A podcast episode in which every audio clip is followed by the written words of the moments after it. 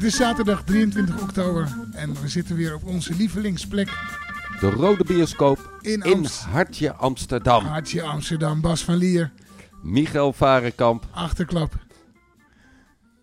Vandaag hebben we een heerlijk onderwerp, jazz en gedonder. Echt een jazzonderwerp, vind ik Echt een jazzonderwerp. Wat, wat heb jij meegenomen? Ja, nou, ik heb eh, over gedonder gesproken. Ik heb het Keith Jarrett trio meegenomen. En jij? Ik heb eh, Money Jungle meegenomen uit eh, 1962. Oeh. Duke Ellington, Charles Mingus en Max Roach. Ja, ja, ja, ja, ja. Ik, eh, eh, dat is gedonder, meneer.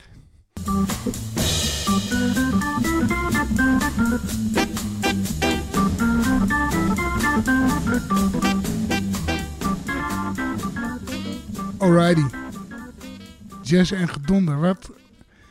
Ja, we kwamen erop natuurlijk. Toen we zo een beetje zaten te vergaderen een tijdje geleden. Waarom is dat nou eigenlijk zo'n goede combinatie, dat jazz en gedonder? Nou ja, eh, dat heb ik me ook veel vaak afgevraagd, moet ik eerlijk zeggen. Want er is vaak gedonder. En eh, ik denk dat het, eh, de, de, het sowieso in de bands zie je het veel. Je ziet ook in de popmuziek extreem vaak voorkomen. Eh, het is natuurlijk, je leeft eh, intens met elkaar als je op tour bent. Dan zit je in één keer 24-7. Normaal als je naar je werk gaat, sluit je om vijf uur eh, eh, je kantoordeur en ga je naar huis. En dan ga je naar je vrouw. Ook gedonder. Alleen dan met je vrouw. Dat is natuurlijk anders dan bij ons. Wij zitten dan met elkaar. En dan kan je aan allerlei dingen gaan ergeren. Aan hoe iemand zit te eten, wat hij bestelt. ja, de druk is hoog. hoe die slaapt. Of hij de hele dag zit te bellen. ja, eh, inderdaad. Of dat hij te veel plek inneemt. Of dat hij altijd te laat is. Oh, zo. Ik heb wel in bands gezeten waarin gewoon el- tijdens elke tournee. Dat was met de groep eh Frafra destijds, Frafra Sound. En we gingen over de hele wereld naar de allergaafste landen. En we maakten waanzinnige tours. En dan kon het wel gebeuren dat er- er was er gewoon was één persoon. Die was gewoon elke dag eigenlijk, als we dan in de hotellobby stonden te wachten, was die gewoon eh, minimaal 20 minuten te laat elke dag. Ongelooflijk, hè? Dus, eh, En, en Zat er die hebben bad daar, of zo? Of, eh, hebben daar ook geen gevoel bij. nee. Dus daar, ja, van dat soort dingen krijg je gedonder. Dus krijg je zeker gedonder. We hebben daar wel een paar hele mooie verhalen eh, over uitgezocht. Dus eh, eh, ik ben benieuwd naar jouw eh, verhaal. Ja, nou Ja. De, je hebt, eh, ja, dat zei je al eh, bij het begin, eh Keith Jarrett Ja, en dat trio, dat, dat liep ook niet altijd van een leien dakje. Maar hij staat ook niet zo bekend als een hele makkelijke man, hè? Keith Jarrett. nee, Keith Jarrett, de pianist, dat is, dat- is, eigenlijk heeft hij het, het, eh, de standaard neergezet voor het moderne pianotrio spelen, zeg maar. Hij is van, van eh, ja, iedereen is daar wel, eh, iedereen die piano speelt, pianotrio, is daar wel door geïnspireerd. Hij heeft zo'n eh, trend daarin neergezet, dat hele trio. Ja, En, maar het was geen gemakkelijke man. Maar die muziek is eigenlijk die is best wel een soort van zen, hè? Eigenlijk. Super zen. Super zen. En eh, dat is een beetje ook eh, eh, het rare. Dat als je die muziek hoort inderdaad, dan, dan, dan denk je, wat een mooi, wat moeten die mensen in harmonie met elkaar leven. En, En, wat met zichzelf. met zichzelf en, en, en noem maar op. Dus dat, dat, maar niks bleek minder waar, want die mannen, die toerden de echt de hele wereld over. En dat, dat was het, het bekendste trio. Dus die vlogen, die deden tours van maanden over de hele wereld. Maar die konden elkaar op een gegeven moment niet meer luchten of zien. Gary Peacock, Jack de Jonette, Keith Jarrett, dus contrabas, drums, piano. Konden elkaar niet meer luchten of zien. Zo erg dat tijdens toeren ze van de ene plek naar de andere niet meer bij elkaar in het eh, vliegtuig naast elkaar wouden zitten. Dus die moesten verdeeld over het vliegtuig eh, gezet worden door het management. Want anders zou het helemaal misgaan. En dan eh, voor het spelen ter plekke kwamen ze elkaar dan weer tegen, komen ze elkaar weer tegen. En dan vervolgens spelen ze de sterren van de hemel. En heeft het publiek helemaal nergens last van. Ik vind dat altijd nog eh, magical hoor. Dat dat, eh, eh, dat dat kan. Dat is denk ik ook misschien nog wel iets Amerikaans. Alhoewel, En sliepen ze wel in hetzelfde hotel bijvoorbeeld? nou dat lijkt me sterk. En als dat zo is, dan zal er wel een paar verdiepingen tussen zitten. En er werd niet samen gegeten. En er werd niet. Dat, dat, dat, dat allemaal niet. Nee, het was gewoon. eh, ja. eh, eh, ze ergerden zich aan alles van elkaar. En, maar muzikaal gezien wisten ze wel dat alles klopte. Muzikaal begrepen ze elkaar perfect. Maar in het dagelijks leven begrepen ze niks van elkaar. Maar hij is natuurlijk dat toeren ook heel, wat je al een beetje zei, het is natuurlijk een hele intensieve manier eh, van leven. Dus voor een deel herken ik het wel, want het is toch dat je wil toch dat exclusieve gevoel wat je op de bühne hebt, wil je eigenlijk eh, behouden. Ja, En als je zo lang eh, dag in dag uit met elkaar op moet trekken, dan is het eigenlijk is het heel normaal dat je, dat je na een tijdje denkt, ik wil wel even met ander gezelschap eten. Of alleen. ja, Of op mijn eigen tijd ontbijten. ja, Het is natuurlijk ook een beetje dat je in dat, in dat vak moet, moet zoeken naar, eh, naar je naar de balans. Ja, naar je, naar je privé.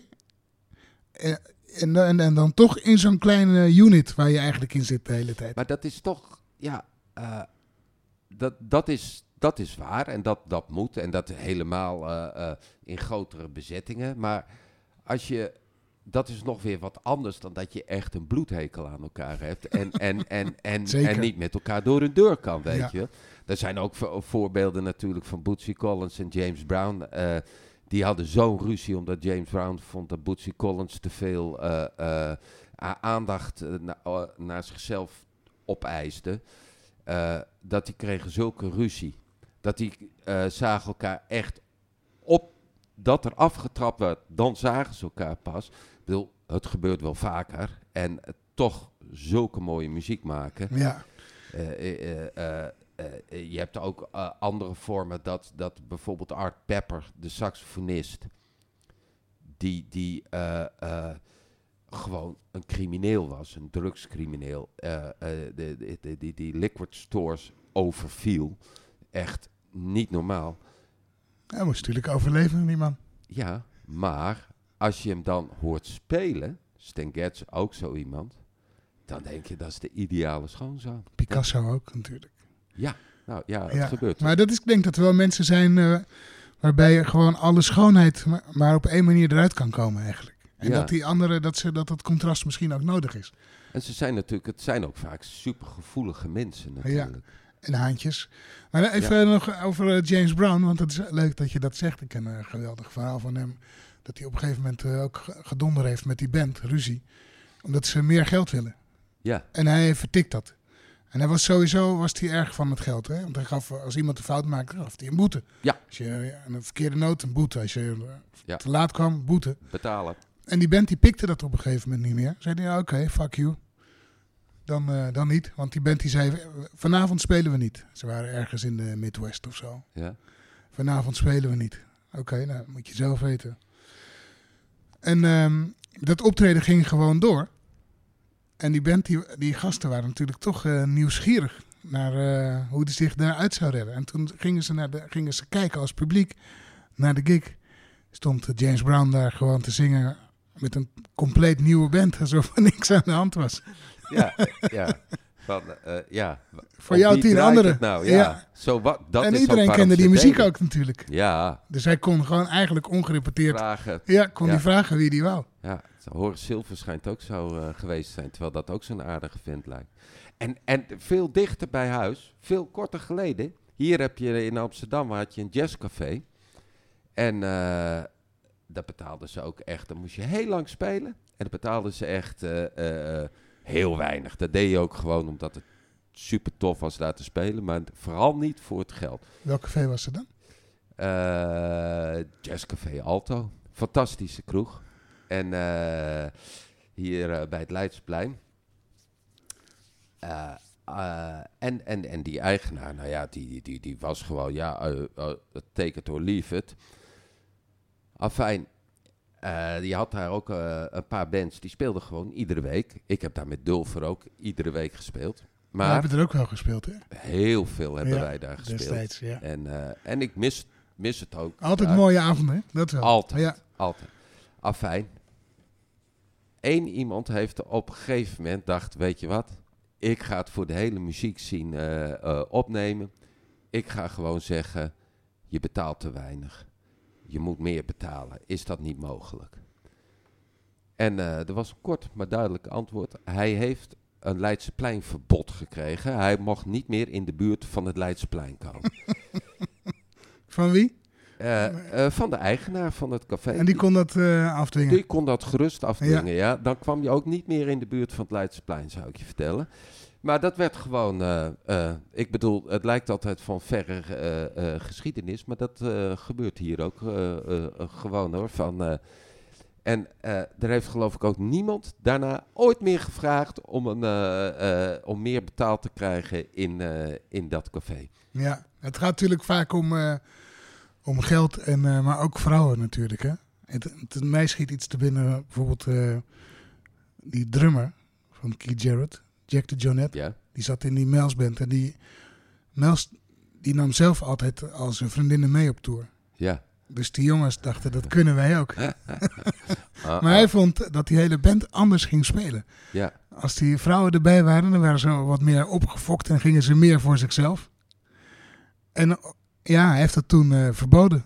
Niemand meer eh, zijn vrouw mee naar het eh, optreden, behalve eh, de grote baas zelf natuurlijk. Ja, nou, ik, ik, er- ergens vind ik dat ook wel gelijk. Ik vind dat de baas het ook niet moet doen. Maar goed, dat is, dat is anders. Maar het groepsgevoel is toch anders als je met eh, vrouwen, eh, vrienden bent. Eh, dan dat je echt met die band de concentratie hebt van twee, drie weken op tour. En echt alleen die concentratie hebt van, eh, in dat spelen. Dat En is, meer focus. Eigenlijk alsof, eh, veel meer focus. alsof een Nederlands elftal eh Ja, naar na een, twee naar weken... een eindtoernooi gaat en dat alle vrouwen mee mogen. Ja, ja, en dan zie je... nooit kampioen geworden. dat is gewoon zo. Dat is ook met spelen zo. Je hebt gewoon die focus nodig eigenlijk. En die, eh, Ja, Maar ja, vroeger, kijk, ze zaten natuurlijk zoveel eh, waren ze onderweg, die oude bands. Dat er zijn Ja. ook eh, veel verhalen over bijvoorbeeld de Ellington Band, die, er- waarvan de halve band ook nooit met elkaar sprak. nee. Ze zaten gewoon de hele dag een beetje uh, chagrijnig naast elkaar in de bus. Ja, verschrikkelijk, hè? En s'avonds spelen dat de vonken er vanaf vlogen. Nou heb ik dat ook altijd, dat idee in big bands hoor. Nou ben ik ook niet een, eh, een, eh, de ultieme big band speler, moet ik daar eerlijk eh, het halve bij zijn. Ik vind het wel te gek, maar ik eh, ben gewoon niet Ja, een het is big heel band zwaar speler. tournee. Ja. Maar ik vind dat toch ook wel heel moeilijk hoor. Dat eh, altijd die ene met die flauwe grappen en die andere die... eh, we- we- ik kan daar toch op een gegeven moment ook heel slecht tegen, moet ik zeggen. Ja, ik ken een, eh, een- ik had een eh, vriend vroeger, Marcel Reis, die zat in de Glenn Miller Big Band. En die hadden ook van al dat soort dingen in de bus natuurlijk. Die hadden op een gegeven moment een eh, pana- panorama-alarm ingesteld. Omdat ze steeds door hele mooie gebieden reden, in Oostenrijk en zo in de winter. En als dan iemand zei, moet je kijken, wat een mooie bergen, dan eh, gingen demonstratief gingen de luiken dicht. De rolgordijnen naar beneden gedaan. Maar dat, ik, dat krijg je natuurlijk als je, als je zo lang onderweg bent met altijd hetzelfde gezelschap om je. Ja, ja, ja. Altijd dezelfde mensen die eh, wel wat willen, de anderen die niet wat willen. Altijd dat wachten op, eh, voordat er, eh, nou, dat kent iedereen wel, voordat er in, in een groep een beslissing gemaakt wordt waar er gegeten gaat worden en wat. Dat, oh, ik, kan daar, eh, ik ben daar ook heel slecht in. Maar dan is eigenlijk het mooie als op het moment dat je gaat spelen, dat je dan, eh, als je echt in een goede band zit, Boem. ben Ja. je alles vergeten. Da- Dan is het er gewoon. Daarom, En dat is de kick. ja, en eh, voor dat ene anderhalf uur slik je dat ook allemaal. Ja, en daarna is het dan ook nog gezellig op tour. Ja. En de volgende dag begint het weer van voren van. Ja, ja, ja, ja, precies. precies. Maar wat jij net zei van die vrouwen, dat is natuurlijk ook, ook daar eh, niet alleen je vrouwen mee, maar de, de, de, je zag ook vaak dat eh, ze elkaars vrouwen, eh, dat dan in één keer de drummer met de vrouw van de bassist. Ja, zeker. En, zo zijn ook menig ruzie ontstaan. En zijn er zelfs doden gevallen ook van jaloerse vrouwen. En, je bedoelt Lee Morgan? Exact. Ja, er staat er trouwens een mooie documentaire op uh, Netflix. En Lee Morgan die speelde uh, trompet bij, uh, bij Art Blakey. En was eigenlijk een student van Dizzy. Die heeft zo enorm veel opgenomen dat je... Hij is geloof ik vermoord door die vriendin toen hij 32 was. Ja.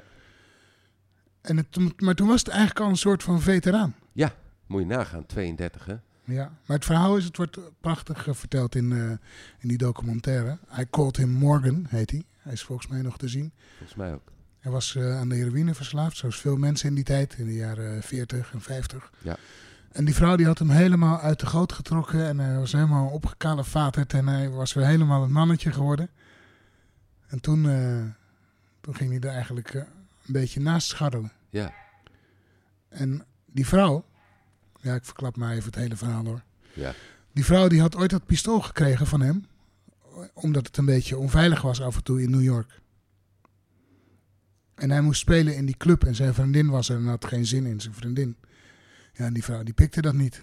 Die hield natuurlijk zielsveel van die man. En die Ja. is eh, toen toch naar binnen gestroomd. En die heeft hem eigenlijk een soort van in een vlaag van verstandsverbijstering heeft ze hem eh, doodgeschoten.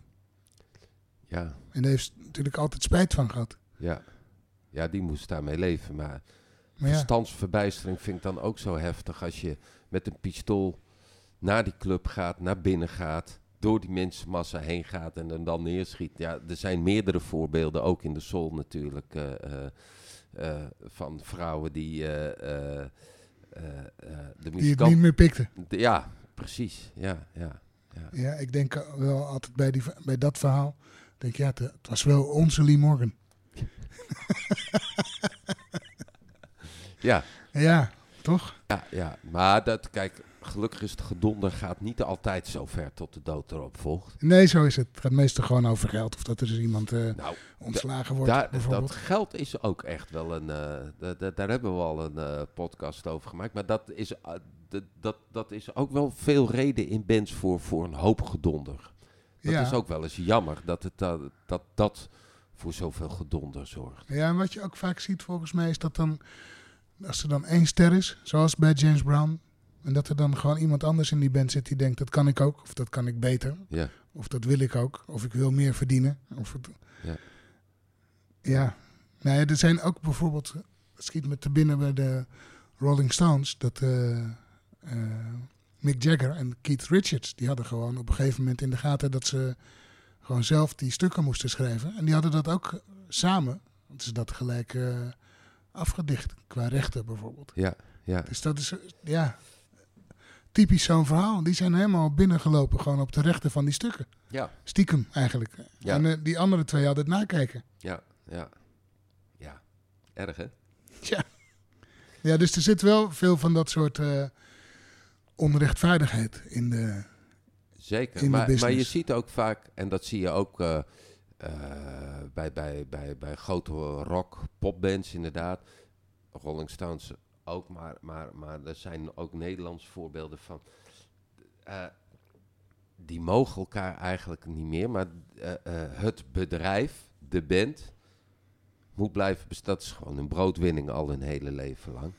Ja, daar stap, je, daar stap je niet zomaar uit. en anders spelen ze gewoon de bassist gewoon weer eh, in de plaatselijke kroeg met de plaatselijke eh, dorpsgek.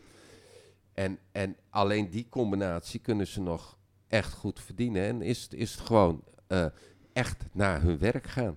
Ja, het is een, een, dunne scheidslijn. eigenlijk. Ja, ja. En dan is het ook echt van, nou ik wil dan max, da- zoveel geld per jaar wil ik verdienen. Dus dan moeten we zoveel kicks doen, dan en dan, tussen dan. En, nou, en dan, dat, dat is dan hun daily job, zeg maar. Maar aan de andere kant, eh, je hebt, want jij bent natuurlijk ook werkgever. En als je bandleider bent, dan zit Ja. je toch in die positie. Dus je hebt ook daarmee te maken. Dat je je grenzen aan moet geven. Dat je. Ja, heb jij wel eens iemand ontslagen, bijvoorbeeld? Eh, ontslagen, niet echt ontslagen, maar wel dat ik dacht van ja, ik wil een andere kant op. Dus ik, ga, ik heb nooit ook iemand een contract aangeboden van een, eh, van een, eh, een vast contract, zeg maar. Maar het is als organisator, zeg maar, bandleider, organisator, wat jij ook bent en wat ik ook ben, vergissen medemuzikanten zich er ook wel eens in hoeveel tijd meer je kwijt bent eh, eh, dan als je dat allemaal niet hoeft te doen. Ja, dat je moet gewoon alles de telefoon ja. gaat, eh, wil je meedoen? Ja, je zeker. je stukken en Het is een wezenlijk andere positie. ja, dus Plus de- dat je ook een ander soort kwetsbaarheid hebt. ja, Als iets niet goed is of als je... Ja. Ik heb eens iemand moeten ontslaan die altijd te laat was, bijvoorbeeld. ja, wie dan? Ja, dat doet er niet zoveel toe. Nee. Ehm, en, eh, want ja, dat is uiteindelijk kom je daar gewoon eh, niet mee weg. Ik, Nee. En eh, het is en als, ook. als er gedonder is, dan bellen ze jou op van... Ja, en het is natuurlijk ook strak geworden. Die, die, een podium huurt technici en een koffiejuffrouw. En die Ja. zit allemaal te wachten tot je komt. En het is niet zomaar. dit- Wat dat betreft is er misschien ook wel eh, bepaalde. Is het veel professioneler geworden misschien dan dat, dat het vroeger geregeld was. Dat Ja. je, er is gewoon minder ruimte. Als Ja. je om kwart over acht eh, af moet tellen, dan moet je gewoon om kwart over acht eh, Ja. aftellen. En dan moet je dus om acht uur netjes in je pak ja, klaarstaan. ja, ja, ik heb natuurlijk jaren met eh Jules Deelder rondgetoerd. En daar moest ik ook van, de, van de theaterboeker... eh, moest ik eh, ondertekenen dat ik verantwoordelijk was, dat hij er altijd was en eh, noem maar op. Nou ja, dan heb je meteen een verantwoordelijkheid En dat deed je ook maar op goed geluk natuurlijk. Op goed geluk. En, maar ja, goed, je moet dat wel, je moet dat wel nemen. En dat is toch een ander, andere druk. Dus ik vind het ook helemaal niet raar dat, dat bandleiders meer verdienen of zo. Je ziet ook wel eens dat het echt totaal scheef uit de hand loopt. Dat, dat eh, eh, Ja, het is ook een soort. Ja, zeker. Maar het is ook een soort carrière eigenlijk. Van, want dan op het moment dat je eigenlijk meer een sterker profiel krijgt als bandleider, verandert ook je werkpraktijk. Want je wordt ook minder gevraagd als sideman. Wat, ook, wat ik ook Ja. volkomen logisch vind. Ja. Het is ook lastig als je als sideman gevraagd wordt en je bent gewoon gewend. Zelf het podium Ja, dat pakken. je Ja. altijd zelf de Ja. dingen regelt. En, eh, dus dat is ook wel echt een onderscheid. Maar dat scheelt in, zeker in het begin, als je dat nog aan het opbouwen bent, scheelt dat eh, natuurlijk eh, even wat werk. Absoluut. Als al die, losse dingen beginnen af te vallen. Ja, ja. Daar heb je helemaal gelijk in. Nu is het zo dat, ik maak even een bruggetje. Oh, ik ben benieuwd. nou ben ik benieuwd. De ene bandleider is de andere niet. Want nou, en in, Ne- in Nederland zijn we ook wel een beetje. Wij zijn natuurlijk wat socialer dan eh, ingesteld dan aan de andere kant van de oceaan. Zeker. Wij zijn meer vrienden. Eh, daar Ja. zijn ze collega's. Er schiet, er schiet mij eh, een verhaal te binnen van, de, Ik van, vind het een slechte brug, van Phil Woods. nee, we komen er zo. We oké. komen er Ik ben zo. benieuwd, hè? Phil Woods die moet spelen hier in, met het Metropoolorkest. Harry Emery die was erbij, die heeft het verteld. En ehm, die, is, die ko- komt uit het vliegtuig en moet gelijk repeteren, wordt helemaal lam en scheldt gewoon die hele band verrot. Tijdens die eerste repetitie. Hij liet eh, gewoon, eh, van niemand liet hij een Spaan heel. En eh, de volgende ochtend moeten ze weer repeteren en hij komt binnen en ziet die hele band zit zo als, als dode vogeltjes zitten ze allemaal een beetje wazig en angstig voor zich uit te staren. En hij ziet dat en hij zegt: What's the matter, guys? Never seen a drunken alto player before. ja. Dus wij, wij schrikken natuurlijk al als iemand een keer godverdomme zegt Nou, in de kleedkamer. ja. Dan is nou, er al. eh, Nou, nou, maar nou. ja, in Amerika zijn ze wat, eh, wat harder. Maar zeg maar, iemand die daar dan ook nog weer heel bond maakt, is eigenlijk, ik zou bijna zeggen, onze beller van vandaag. Buddy Rich. Ik, eh, ik weet waar je naartoe wil. Die is echt ongelooflijk.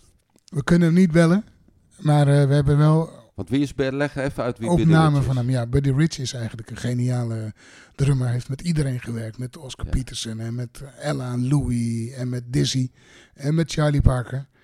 En daarna is hij eigenlijk zijn eigen big band begonnen. Ja, ja, legendarische big Ja. band. En we zetten wel ook wel wat filmpjes op hem, eh, van hem op de, Ja, op zetten de op de social. eh, Facebook en Insta. Ja. Legendarische drummer, maar hij kon ontzettend uitvallen tegen zijn band. Eigenlijk eh, all the time. Ja. Er zijn overigens ook verhalen dat hij heel erg, heel erg vriendelijk was. Als je naar de tandarts moest en je had geen geld, dan eh, gaf hij je 100 dollar en dan kon je naar de tandarts. Ja, ja, ja, ja. Maar die- hij schold die band altijd stijf na het spelen.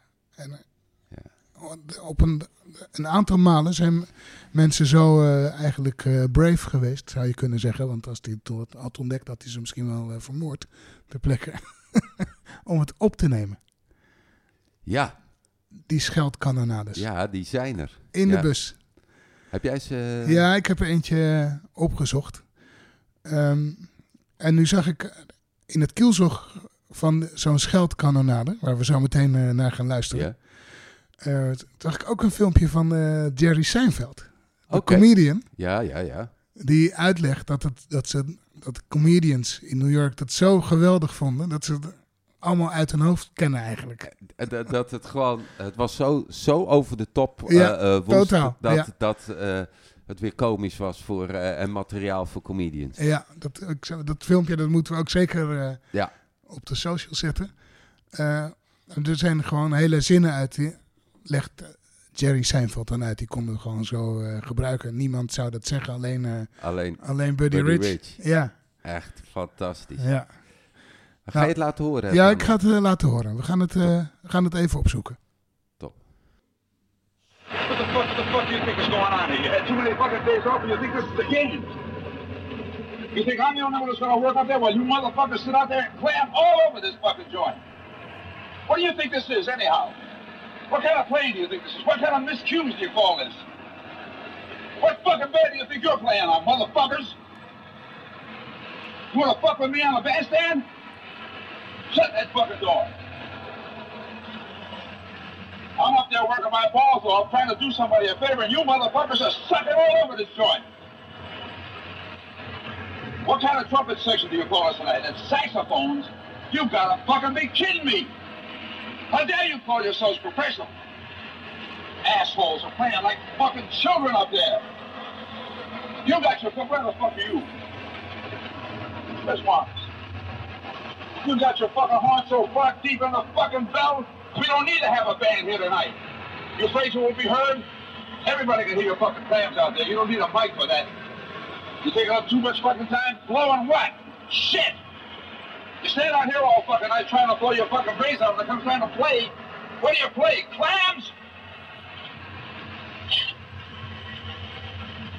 You got nowhere to fucking go to the next day because if I hear one fucking clam from anybody, you've had it. One clam and this whole fucking band is through tonight. Try me. You got some fucking nerve. Nights off, nothing to do, and you come in and play this kind of shit for me? Fuck all of you. You're not doing me any fucking favors. You're breaking my heart up there. I gotta go up there and be embarrassed by you motherfuckers. I play with the greatest fucking musicians in the world. How dare you play like that for me? How dare you try to play like that for me? Assholes. I get 15 fucking kids in rehearsal. The fucking time of this band is incredible. We don't play two fucking bars in one fucking tempo. Not one. You can't keep fucking time and play. There's too many things to do, isn't there? You can't pat your fucking foot and play. You're all over the fucking place. Miscue after miscue. You try one fuck up the next set, and when you get back to New York, you'll need another fucking job. Count on it. Now Get out of my fucking bus. Ja, dat is een duidelijke taal, hè? Gaat ook maar door. Ik, ik, ik word er stil van zelfs. Het is echt ongelooflijk, hè? Ja. Maar dit is ook wel eh, extreem. Maar gezellig is het niet. eh. Nou, je hoort, eh, die band die is natuurlijk muisstil. Er is niemand die iets durft te zeggen. nee, het was ook wel een mannetje natuurlijk. Kijk, om, om dit allen een beetje in een perspectief te zetten. Het is natuurlijk ook, mensen weten soms ook wel, oh ja, de bandleider staat onder druk en we laten hem even uitrazen en straks is het weer goed, weet je wel. En ik heb ook wel eens met eh, een eh, eh, heet gebakerd iemand in een, in, een, in een band gezeten. En die begon dan ook altijd ah, eh, te, eh, te woest te worden. En je wist precies wanneer en, en noem maar op, was er een hoop gescheld. Maar je wist ook, over twee uur zitten we met z'n allen, inclusief hem, heerlijk ergens aan de bar, gezellig. En is alles weer goed, vergeten en vergeven. Het is ook een soort druk, spanning die die bandleiders eh, eh, hebben. En, en hun stress, zeg maar, omzetten in, in een grote bek. En eh, werd de muziek er beter van? Nee, dat is altijd het probleem. Ja, dat het is dan jammer, hè? altijd een Ja, averechts Een effect. ja. Altijd. Altijd. Dat is, dat is eigenlijk het stomste wat je kan doen. Als je band slecht speelt, kan je beter heel lief worden dan eh, eh, eh, de band verrot gaan schelden. Want dan gaat iedereen met gespleten billen. nee, geknepen billen. spelen. Count Basie deed het heel anders. Hè? Als iemand slecht speelde, dan kreeg hij gewoon alle solo's. Ja, ja, En dan was het daarna, deed hij, keek hij wel uit, deed hij beter zijn best. ja. Je had eh, muziek meegenomen ook, hè? Laten we even, even dat, we moeten toch Buddy Rich een beetje... Ja, dat geweld van. Bud- Buddy Rich. En dat, dat eh, inderdaad, dat eh, ruzie, zeg maar, een gedonder in de band niet automatisch betekent dat de, de band niet met elkaar kan samenwerken, muzikaal gezien. En dan vind ik dat Keith Jarrett trio wel een, een, een hele mooie eh, eh, eh, voorbeeld van. En, en ook dit nummer, omdat het ook zo... Het is eigenlijk een heel, heel vrolijk nummer, open nummer. Someday My Prince Will eigenlijk een Walt Disney nummer. Walt Disney nummer, en heel lief, Uit, mooi, eh, melodisch. Het Assenpoester, denk ik. Ja, ja. En, en, en, en met, met z'n drieën maken ze daar zo, zoiets moois van. En eh, ja, da- dan begrijp ik wel dat je alles voor lief neemt als je met drie man eh, dit magical eh, op het podium hebt. Daar, daar heb je toch echt veel voor over. Dat heb je, zouden jij en ik ook hebben. Live in uh, Antibes, 1985. Geniet.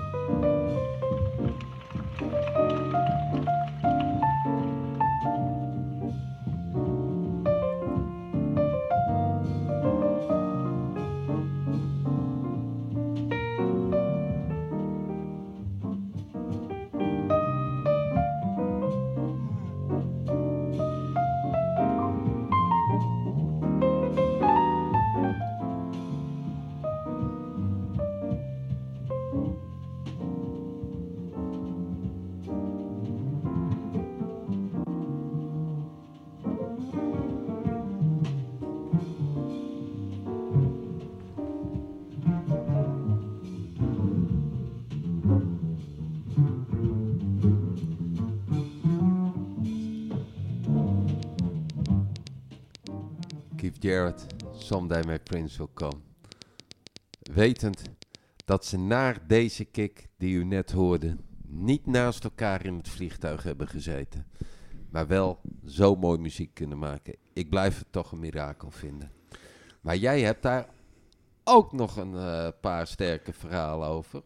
En nou, ze zijn niet eens sterk, ze zijn gewoon waar. Nou ja, ik heb wat eh, muziek meegenomen, maar nog even, zo nog even naar Keith Jarrett, want dat is toch wel heel mooi. En wij krijgen natuurlijk soms vragen van eh, luisteraars Ja, eh, over de muziek ook. Dat ze bijvoorbeeld, welk album zou je nou echt aanbevelen van Keith Jarrett? ja.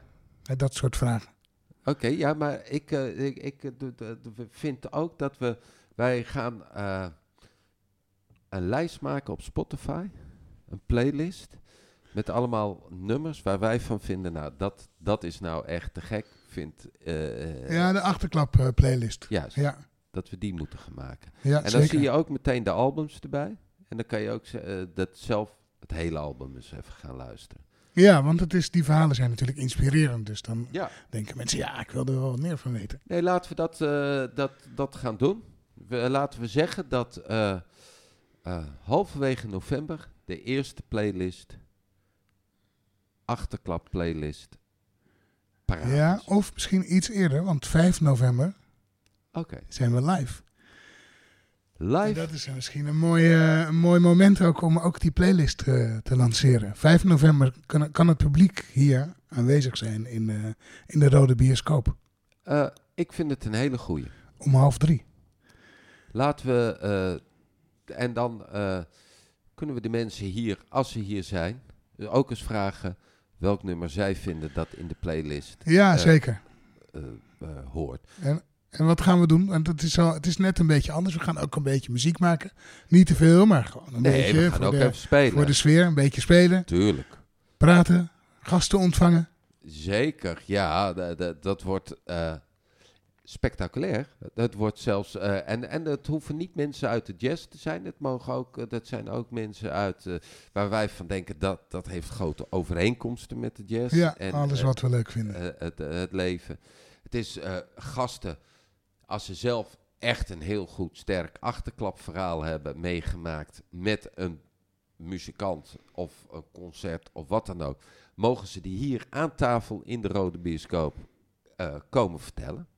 Dus eh, daar ben ik eigenlijk zelf ook wel heel benieuwd naar. Ja, zeker. Eh, en en eh, dus dat wordt gewoon beren gezellig. En na de hand is het nog eventjes een plaatje draaien, toch? Plaatje draaien, even gezellig aan de bar staan. Dacht het wel. 5 november 2021. Want we weten natuurlijk niet precies wanneer je deze podcast luistert. 5 november 2021. Eh, eigenlijk een soort eh, vervroegde vrijdagmiddagborrel. Ja, en dat doen we dan zo een paar keer gedurende het seizoen Ja. eigenlijk. Achterklap live. Achterklap live.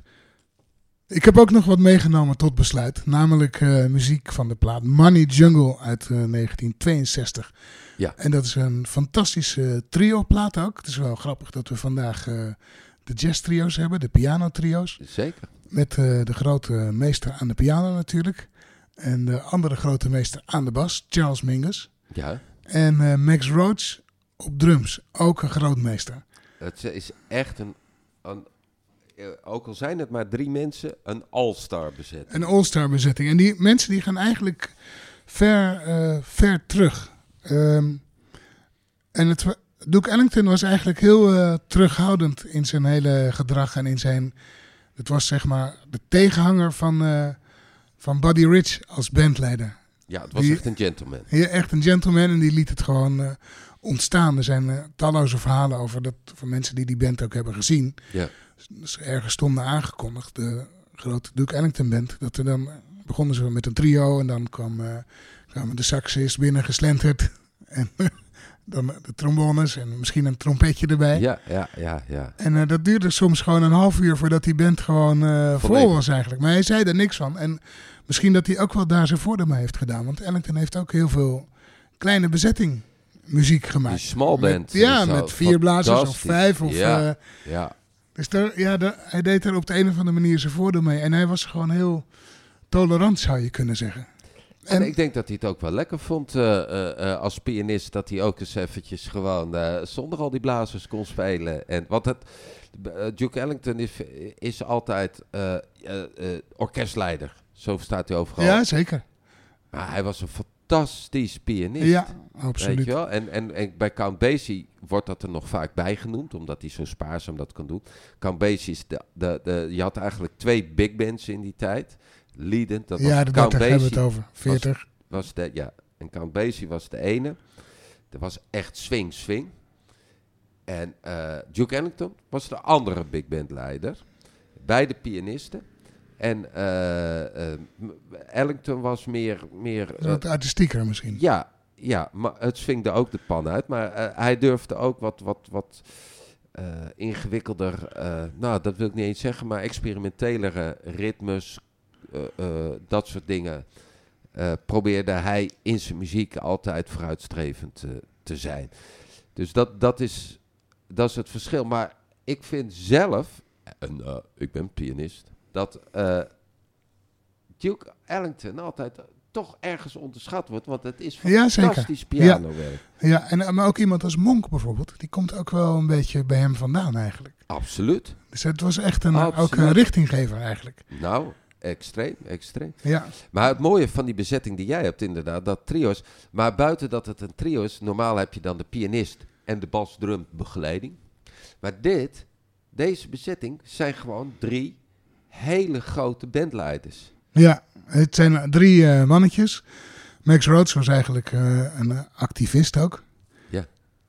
Die eh, kwam op voor, voor de burgerrechten. En, Ja. ehm, maar ik wou eigenlijk even terug naar Mingus. Want Mingus heeft ooit vier dagen in het orkest van Ellington gezeten. Want, dat, want Duke Ellington was de, de grote held van Charles Mingus. Ja, ja. En eh, hij kwam in die band, en, maar toen kreeg hij ruzie met eh Juan Tisol. Nou was dat ook, die Caravan geschreven heeft. Ja. Nou was dat ook niet bepaald een lievertje, want die zou nog weer daarna ontslagen werden, worden. Dat hij eh, een mes trok. Maar Mingus die zat Juan Tisol achterna met een... eh, die had zo'n bel die aan de muur hangt van de brandweer, had hij eraf gerukt. en die was zo boos op hem. Binnen vier dagen. door het repetitielokaal achterna zit. En eh, dat is eigenlijk de enige keer dat Ellington echt iemand heeft eh, ontslagen. Want die, die hield daar helemaal niet van. Nou, ik vind dat ook wel een geldige reden. Als je bandlid met een bel achter een ander bandlid aangeloopt, dan moet ik zeggen, dan eh, geef ik Ellington gelijk. En Mingus eh, was een grote, sterke beer. Ja, hè? zeker ja. Dat was, Ja. eh, er gaat ook een verhaal dat hij wel eens een deur uit de sponning heeft eh, getrokken. Ja, of dat hij de Belastingdienst zit op te wachten met de shotgun. Ja, ja En- daar zijn foto's van ook nog. Maar Ellington zijn stijl was eigenlijk meer, en dat is een andere keer gebeurd, dat toevallig ook een bassist die ontslagen moest worden. Maar dat, ja, het is zo'n hekel aan, dat deed hij gewoon niet. Dat hij gewoon een hele tijd een tweede bassist heeft gehuurd. Die, ging, ging gewoon mee nou, met de repetities en met, eh, met de tournees. En dat heeft hij gewoon net zo lang volgehouden tot die, die eerste bassist dacht, nou, Dit Ja. dan, eh, zo vind ik het niet leuk meer. ongelooflijk. hè. Dan Nee. hou ik er maar mee op. Ja, dat, dat dan na, na 2,5 week dat besef in één keer binnenkomt van dat die andere bassist niet eh, extra aanvulling is, maar eigenlijk jouw dan, oh, dat is toch... Maar ook, de, ik vind het ook mooi dat hij dan ja, de Ellington helemaal niet eh, om dat geld gaf. Nee. En dat, en dat- Nou, nou, ja, dat Zo hij, bang was dat hij hij liever geld dus uitgaf dan dat, dat, dat om, om, om, om zijn eigen angst de muzikant te ontslaan. Maar goed, die drie die gingen dus een eh, plaat maken. En eh, Max Rhodes die had al van zich doen spreken, behalve als drummer natuurlijk. Maar de, die eh, plaat Sketches of Spain van Miles Davis, die is ooit live uitgevoerd Ja, in eh, Carnegie Hall. En eh, Max Rhodes is daar geketend afgevoerd. echt waar? Waardoor het hele concert eh 2,5 uur later begon. Die lag in het gangpad, had die, lag hij te protesteren. Meen je niet? Jazeker, met, Waarom nog, dan? met nog wat mensen. Voor de burgerrechten. Nou ja, En, maar Miles was natuurlijk vertiefd dat het nou precies bij, bij een concert van hem Van moest. hem moest. Die dacht, gaat het ergens anders doen. Ik ken dit verhaal helemaal niet, ja. Ja, dus die, dat waren eigenlijk vrienden daarvoor. Maar daarna was de vriendschap wel een beetje bekoeld. Ja, dat zou een beetje zijn als ik bij jou eh, vanavond eh, in het theater eh, voor jouw podium ging protesteren. Kan je dat niet ergens anders doen? Nee. Nou ja, goed. Maar die, is- die drie mensen die gingen samen een plaat maken. Eigenlijk zouden ze er twee maken. Maar eh, dat ze die ene hebben gered, dat is al, eh, dat is al heel wat. En er was een generatiekloof, want Doek was dan eh, 60 en die andere twee eh, rond de 40. Dus dat was al een, een beetje eh, moeilijk. En Ellington voelde zich daar ook ongemakkelijk bij. Dus die had gezegd, je moet mij gewoon bekijken als een eh, eh, poor man's Bud Powell.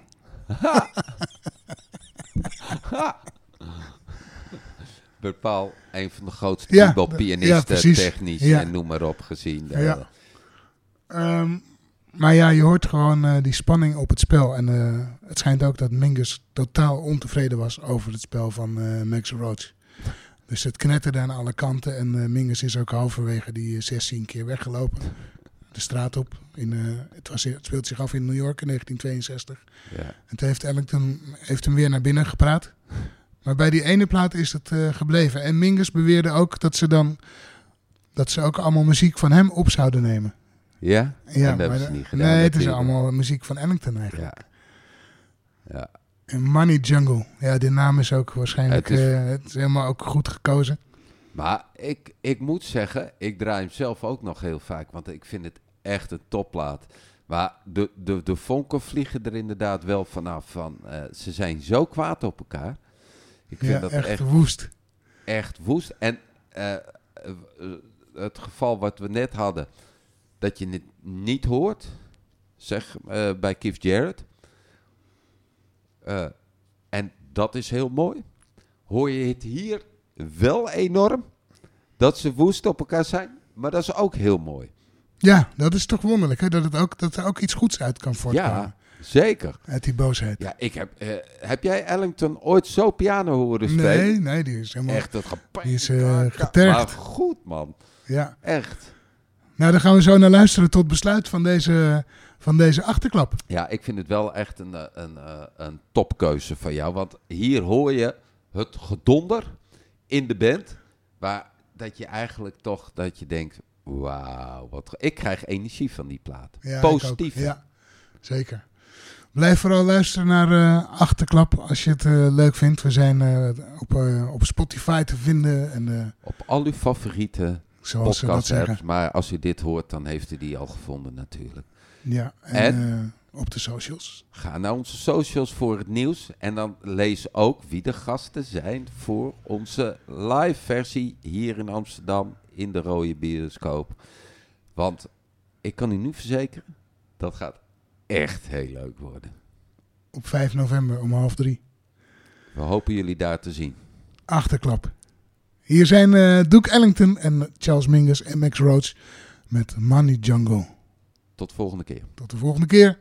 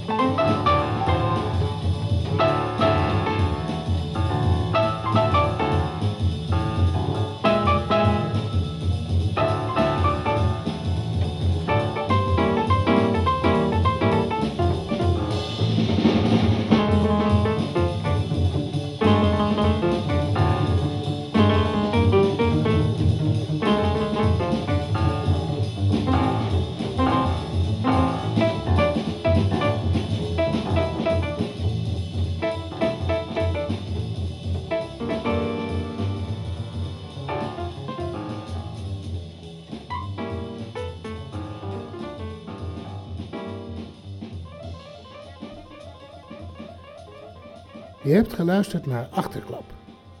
Een podcast van Bas van Lier en Michael Varenkamp. Techniek, Klare Maus.